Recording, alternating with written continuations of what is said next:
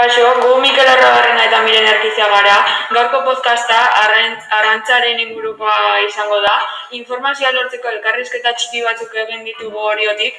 Eta orioko arrantzaren izaera indartzeko egin ditugu elkarrizketak. Bat, Rosi Laskan hori, orioko bertxelaria, bestea Cesarri eta Xantiri hauek arrantzaleak ziren, eta azkena elkarrizketa orioko kofraiako zare gehiei.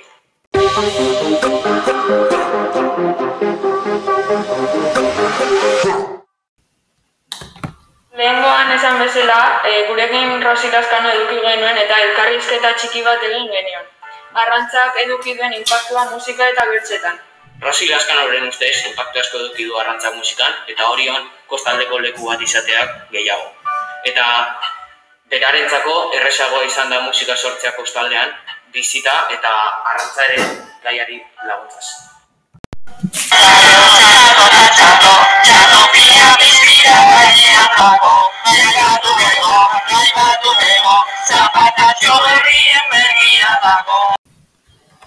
Rosi Laskano alde batera utzita, lehengo astean kofradiera joan ginen, eta elkarrizketa bat egin genien bertako sare gehiei. Mikelek esango digu zertan egiten duten lana, sare gehiek. Saregiek izena esaten duen bezala sarea josten dute eta ez dute soldata finkorik edukitzen. Beraz, hilabete batean diru gutxi lor dezakete. Ez da ordutegirik ere. Udaberrian eta udazkenean aberia edukitzen dute goizeko sortzietatik gaueko behatzetara. Udaretan neguan longak egiten dituzte eta astelenetik larun batera egiten dutela. Bertakoek esan zuten, e, beraien gabe ezingo zela arrantzatu, sarerik gabe ezingo zuten arrantzatu eta arrain gabe geratuko ziren.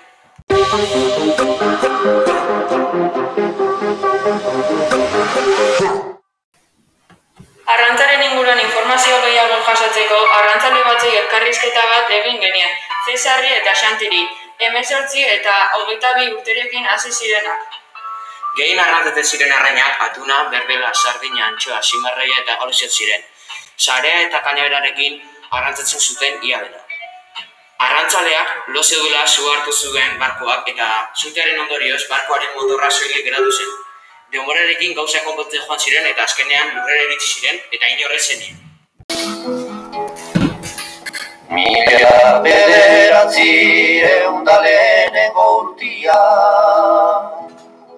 Maiatzaren amalaugarren egunia. Hori joko herriko barraren aurria. Balia gertu zan behatzik aldia.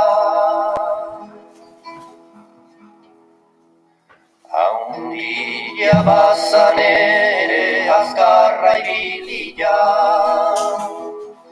Bueltakan zebilen joan da etorria Ondarra harrotuaz murgiligarila Hau izan da gure arrantzaren podcasta, espero dugu gustatu izana eta ikasi izana. Lehen esan bezala gaurko saioa arrantzaren izaera indartzeko egin dugu. Urrengo astean ikusiko gara larun batean bostetan. Eskerrik asko entzutegatik ondo izan. Thank you.